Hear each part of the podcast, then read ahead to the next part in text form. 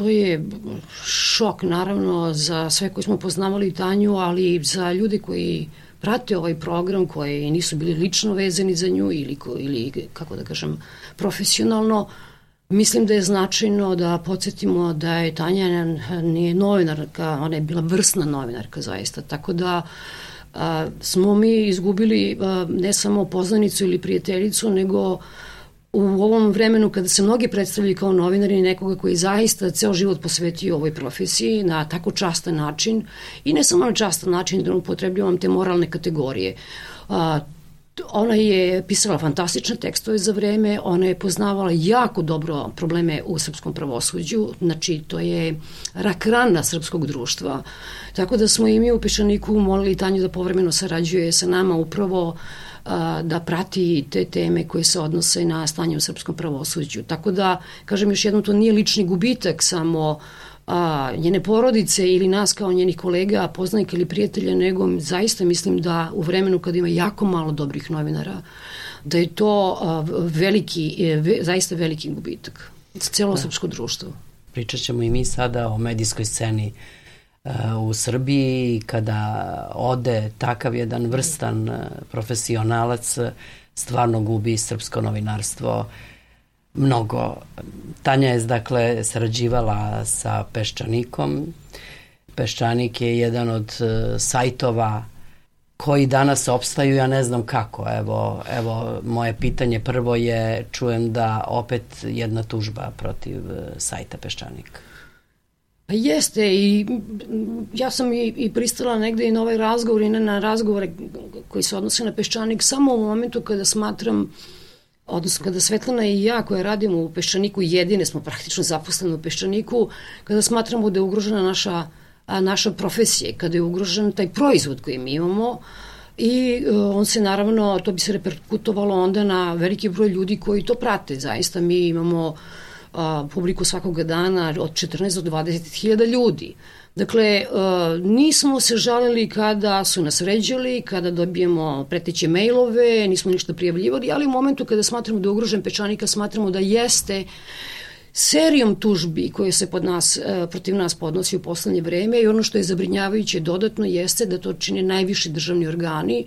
Da podsjetim samo u poslednjih nekoliko meseci tužio nas je ministar policije e, dr. Stefanović, nas i Vesnu Pešić, našu autorku, a evo pre neki dan e, nas je tužio i bivši direktor elektromreža Srbije, kuma premijera Vučića, odnosno šta li predsednika Vučića, takođe Peščanek i Vesnu Pešić. Tako da nije isto kada vas tuže fotoreporteri, neki autori koji se žale na a, uređivačku politiku Peščanika, zaista je potpuno posebna situacija kada vas tuži ministar policije i jedan od najbližih saradnika a, čoveka koji vlada ovom zemljom. E, šta je problem bio za Petrovića?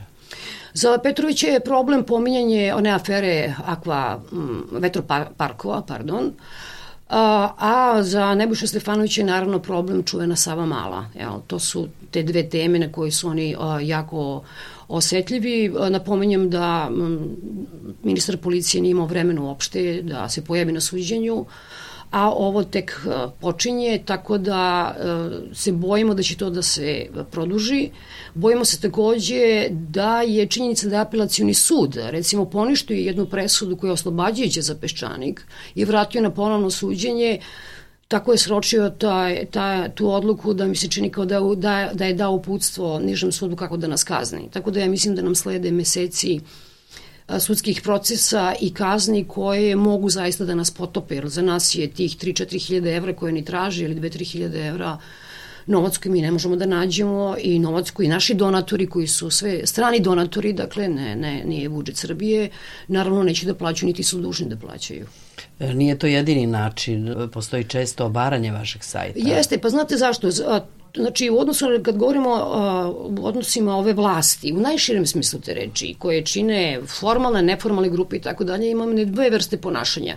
Dakle, tuže vas najviše državni funkcioneri, za duševne bolove, ugled, povredu časti, ugled i tako dalje, a paralelno, to je isti recimo ministar policije, mi smo podnosili, mislim, četiri ili pet krivičnih prijeva protiv obaranja sajta, sistematskog, masivnog obaranja sajta protiv brisanja tekstova. Nije uh, zgore ga napomenuti da su nam brisani tekstovi koji se odnose upravo na doktorat doktora Stefanovića, a, a da nikada nismo dobili nikakvu informaciju iz policije. Šta to znači? Imamo samo dva logična zaključka. Jedna je da to nam radi država u nekom svom obliku ili njihove paragrupe ili s druge strane da oni svojim nepreduzimanjem zapravo šalju poruku ja, a, a, svakome da može da nas obara, da može da nas hakuje, da može da nam uništava a, mediji, potpuno nekažnjeno. Evo. Stvarno zvuči cinično, pored e, tolike pornografije, mislim pre svega na političku pornografiju, u, u većini medija i pisanim medijima i, u, i na televizijama, treba sam da kažem i na Pinku, i na televizijama. Dakle, ovaj, e, trnu oku je peščani koji ruku na srce jedna mala enklava zapravo neke alternative u odnosu na, na, na ove medije? Naravno, oni su prvo zaposlili i na, imaju način na, da finansijski kontrolišu i na drugi način u koji ja ne ulazim jer ne mogu da ulazim u državne, službe državne bezbednosti ko šta kome tu drži u fioci. Uh, ali vidim po takozvanom projektnom sufinansiranju koje mediji se podržavaju, kojim medijima se praštaju dugovi, koji mediji dobijaju kredite, jel, jako nisu platili porez ovoj državi. Tako da su oni zaposlili te medije i ja mislim da je politika ove vlasti da stvara paralelne sisteme, pa između ostalog paralelni javni servis i to je Pink, to nema nikakve dileme, naravno. E sad, druga stvar je naravno da, zašto ima peščanik ili koji je mali, smeta? Pa smeta između ostalog zato što tu pišu ljudi koji imaju neki moralni integritet u ovom društvu. To su ljudi koji su profesori univerziteta, koji su vrsni istoričari, sociolozi, slagali se vi sa njima ili ne. To nikad nije zgodno, a s druge strane mislim da je problem da, da jednostavno je potrebno učutkati svakoga. Znači napad na peščanik je i poruka svima drugima da će im se to desiti ukoliko se ponašaju kao peščanik ili kao, ne znam, neki drugi slobodni mediji. Hoćete li vi, Svetlana, biti učutkani? A, malo je neumesno zato što je Tanja preminula od jutrosa, ali a, da pominjem to, ali učutkat će nas kada budemo se pridružili Tanja Tagiru. To je jedini način. E, kako se branite? Da li se obraćate sudu u Strasburu?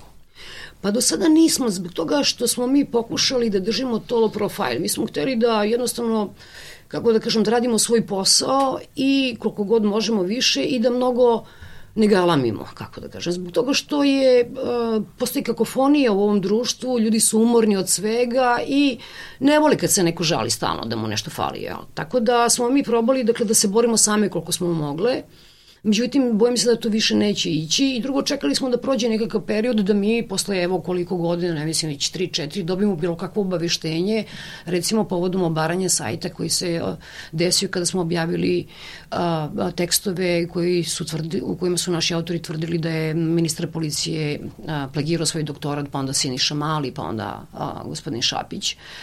Međutim, mislim da smo potrošili istrpljenje i potrošili smo zapravo više, nemamo izbora, mi smo satirani za zid, tako da sada imamo, mi ćemo obavestiti međunarodne organizacije novinarske koje se bave novim delom sveta, OEPS i te institucije, prosto šta se dešava, jel? a šta će oni da urade sa tim, ja ne znam, niti mi možemo da utičemo, naravno da ćemo otići i u Strasbur, Ali to je nešto što paralelno ćemo morati da počnemo da radimo, jer to, kako da kažem, ugrož, ugroženi smo ovaj, ozbiljno i više nemamo, kažem, manevarskog prostora da kažemo, ma dobro, neka radi šta hoće mi, danas treba da se bavimo time kako se desilo da u Centru za socijalni rad čovek ubije ženu, jel? Iako je bio u zatvoru i sad da ne, vaši slušalci i svi građani ove zemlje znaju šta se dogodilo. Dakle, da vidimo šta, gde su sistemski propusti.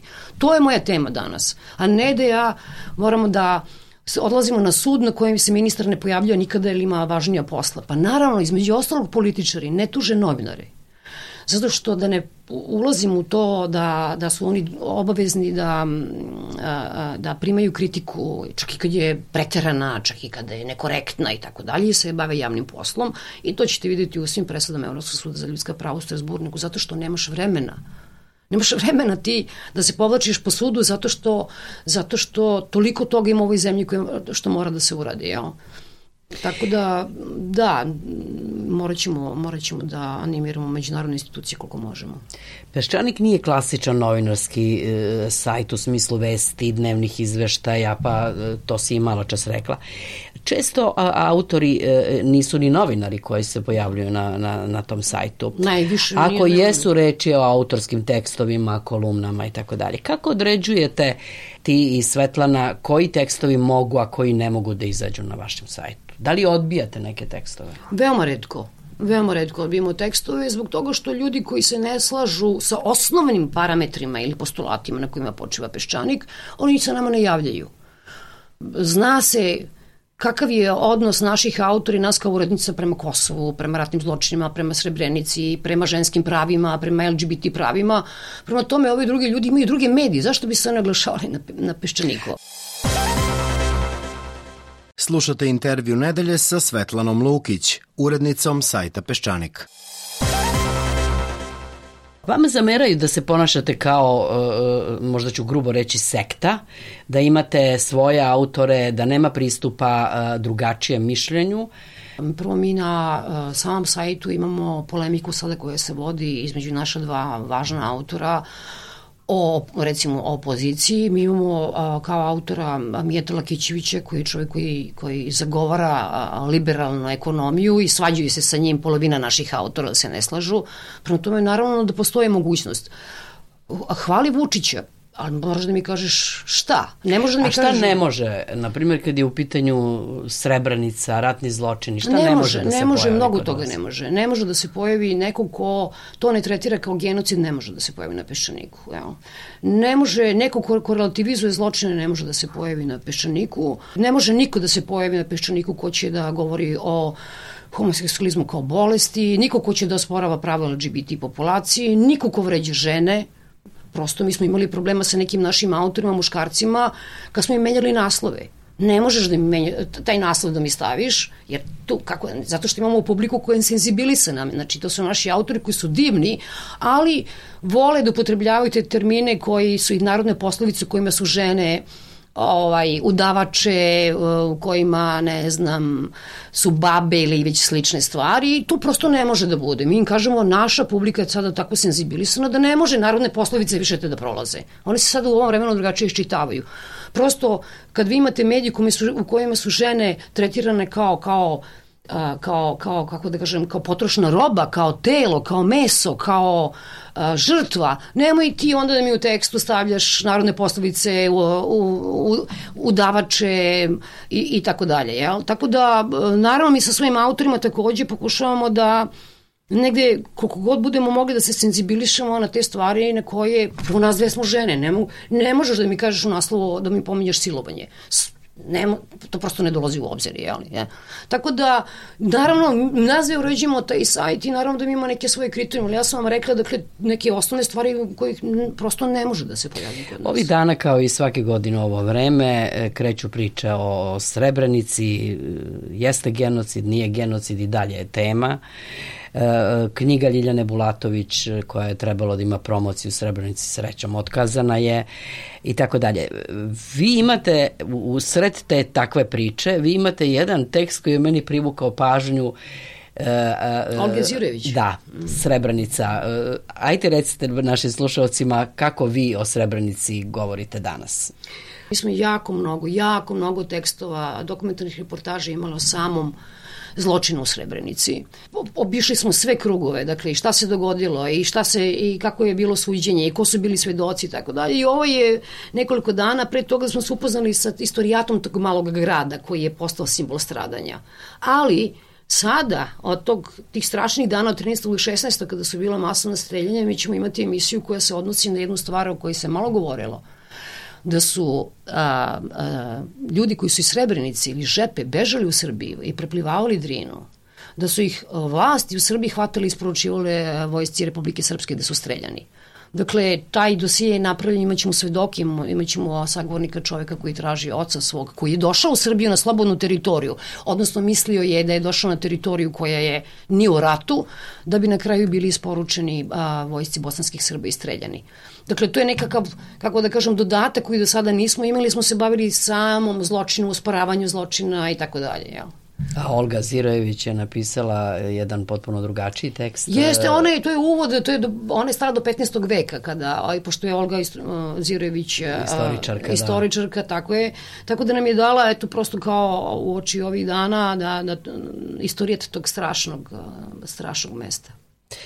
Zanimljivi su autori, strani autori koje vi e, prevodite. Vi ste, na primjer, čini mi se prvi e, zapravo ovde plasirali tekstove Piketija koji se smatra Karlom Marksom 21. veka. Kako ste došli do tog... E... Pa znate šta, prvo mi imamo, da, treba imati u vidu da među čitavcima Peščanika praktično skoro trećina, ajde da kažem trećina, četvrtina su ljudi koji su emigrirali iz Srbije 90. godina. To je visoko obrazovano stanovništvo koje su tamo doktorirali, magistrirali i tako dalje, rade neke e, poslove visoko profilisane, vrlo često nam oni šalju predloge šta da prevodimo. Ali je recimo zanimljiv slučaj našeg prevodilaca sa ruskog jezika koji je radio 20 godina u Moskvi u jednoj banci, Haima Morena, koji fantastične tekstove iz uh, ruske štampe, pred naravno opozicione, i oni su jako čitani i što je zanimljivo, čitani su u regionu. Zato što je to druga slika e, Rusije koje, koje nema u našim Tako medijima. Tako je, jeste, mi imamo Putin, šta je rekao Putin, nije rekao Putin ukapsio Navalnog i tu počinje i završava se sve. Mislim, to, to kad vi čitate te Ruse, to je fantastično prosto. Način na koji je to pisano, jel, ti, ti njihovi autori, Tako da, da je... Tako da Putin ima ozbiljnu opoziciju Op, Ozbiljnu intelektualnu opoziciju, tako je. To su veoma ozbiljni tekstovi gde mi pokušavamo našim građanima da kažemo, nema, ma, dobro, ne Putin, nego ajde da vidimo šta je tu strukturno uh, problem sa Rusijom, pa je iznedrila Putina i on može tako suvereno da vlada. S druge strane, javljeni sam mnogo čitalaca iz Hrvatske, kojima su Rusiji kozaci koji jašu na konjima i poje konje na Jadranskom moru. Mislim, to je pra, panika. Međutim, jako su dobro primali te tekstove i očarani su načinom na koji ovaj, ruski autori pišu o tome. Tako da je da smo mi ustanovili to prevođenje i zbog publike u regionu. Ja, mislim da je vrlo važno da, da, da, da, da je to jedan, kako kažem, regionalni ovaj, A ambicija. ako se ne varam, e, rekla si mi da ćeš neke od tih autora e, dovesti u Beograd. Pa jeste, uh, mi jako tesno sarađujemo sa fabrikom knjiga Dejana Ilića. Dejan je sada objavio knjigu Jana Wernera Millera o populizmu, jer to je zajednička tema, znači ne samo Srbiji, nego e, i mislimo da je to knjiga koja, ne mislimo, nego to je knjiga koja je sada jako citirana u svetu i uh, po um, tome što je gospodin Jan Werner Miller rekao, on će doći u oktobru u Beograd, jel? A drugo, pokušavamo da dovedemo i mislimo da ćemo uspeti takođe u oktobru nekog od ovih ruskih autora kojima smo govorili koji bi, do, koji bi takođe došao u, u, u Beograd. E sad, i samo da, da završim time, zašto mi sve to radimo svih ovih godina? Prvo imate generacije koji su izašle, odrasle u izolaciji zbog ratova. Onda imate komercijalizaciju medija zbog koje samo se prenosi koje da, teroristički napadi i nesreće. Dakle, mi pokušavamo našim gledalcima da pokažemo, odnosno, pardon, čitaocima, koordinate. U kojim koordinatama to Srbija sada funkcioniše? Da prikažemo da ta, kako izgleda taj, to, ta, ta, kako kažem, geografska karta Evrope, ti toponimi Evrope koji se menjaju sa grčkom krizom, sa, exit, sa, sa Brexitom, pardon, i tako dalje. Tako da mislimo da je vrlo važno, jer ovde svi mi kažu, tako je svuda u svetu. I ljudi kao, pa dobro, ako je tako svuda u svetu. Pa ne, nije. Znači, uh, taj dijapazon tekstova koje prenosimo je veoma, veoma širok od mainstream medija do levičarskih medija, da vidimo kako ljudi razgovaraju, kako ljudi analiziraju i kako levica recimo sada pokušava da formuliše ovaj, svoj program. Da li, i to je poslednje pitanje, da li dopirete do uh, kruga ljudi koji nisu vama vaši istomišljenici, a koji razmišljaju uh, na te teme o kojima vi ozbiljno, ozbiljne tekstove plasirate? Pa znate šta, sudeći po pismama koje dobijamo preko pošte, dosta ljudi koji čitaju to nisu naši istomišljenici. Ovoga ne može očima da vidi nekoga od autora, ovoga će da čita. Onako, kako možete da stavljate ovde ovoga, ne znam, Jeta Lakićevića, ovi, kako možete ovoga? Tako da oni biraju u tom, na tom sajtu šta će da čitaju, šta je njihova šolja čaja. Tako da, kako da kažem, među tih 15-20 hiljada ljudi ima ozbiljnih kritičara a, naših autora, pa čak i uređivačke koncepcije peščanika. Za ostale ne znam. Mi šaljemo to na društvene mreže, mi smo otvoreni, sav proizvod je koji mi radimo je i video i audio je besplatan, A da li vi samo komunicirate sa predstavnicima vlasti e, tužbama na sudovima ili imate neke e, druge kanale komunikacije? Nemam nikakve kanale, ni sa ovom vlašću, ni sa prethodnim, ni sa onom, ni sa onom, ni sa onom. Mene, kako da kažem, zato što Prvo, kao što si sama rekla, mi nismo klasičan medij, dakle mi ne pravimo vesti, izvešta i tako dalje. S druge strane, ne zanima me šta imaju da kažu, ja gledam šta rade. Dakle, šta će da mi kaže sada je Zorana Mihajlović, koordinatorka, koordinatorke za, ne znam, za rodnu ravnopravnost, mene uopšte ne zanima šta će da napiše na Facebooku. Mene zanima šta je ona radila i šta je uradio Centar za socijalni rad povodom ove tragedije. Dakle, oni su predmet, zato što oni, imaju, oni su delatni, oni imaju alat, imaju državu u rukama. Prema tome, to je njihovo mišljenje. A mišljenje na Twitteru ili na, na Facebooku ili šta će da mi daju izjavi, to potpuno irrelevantno.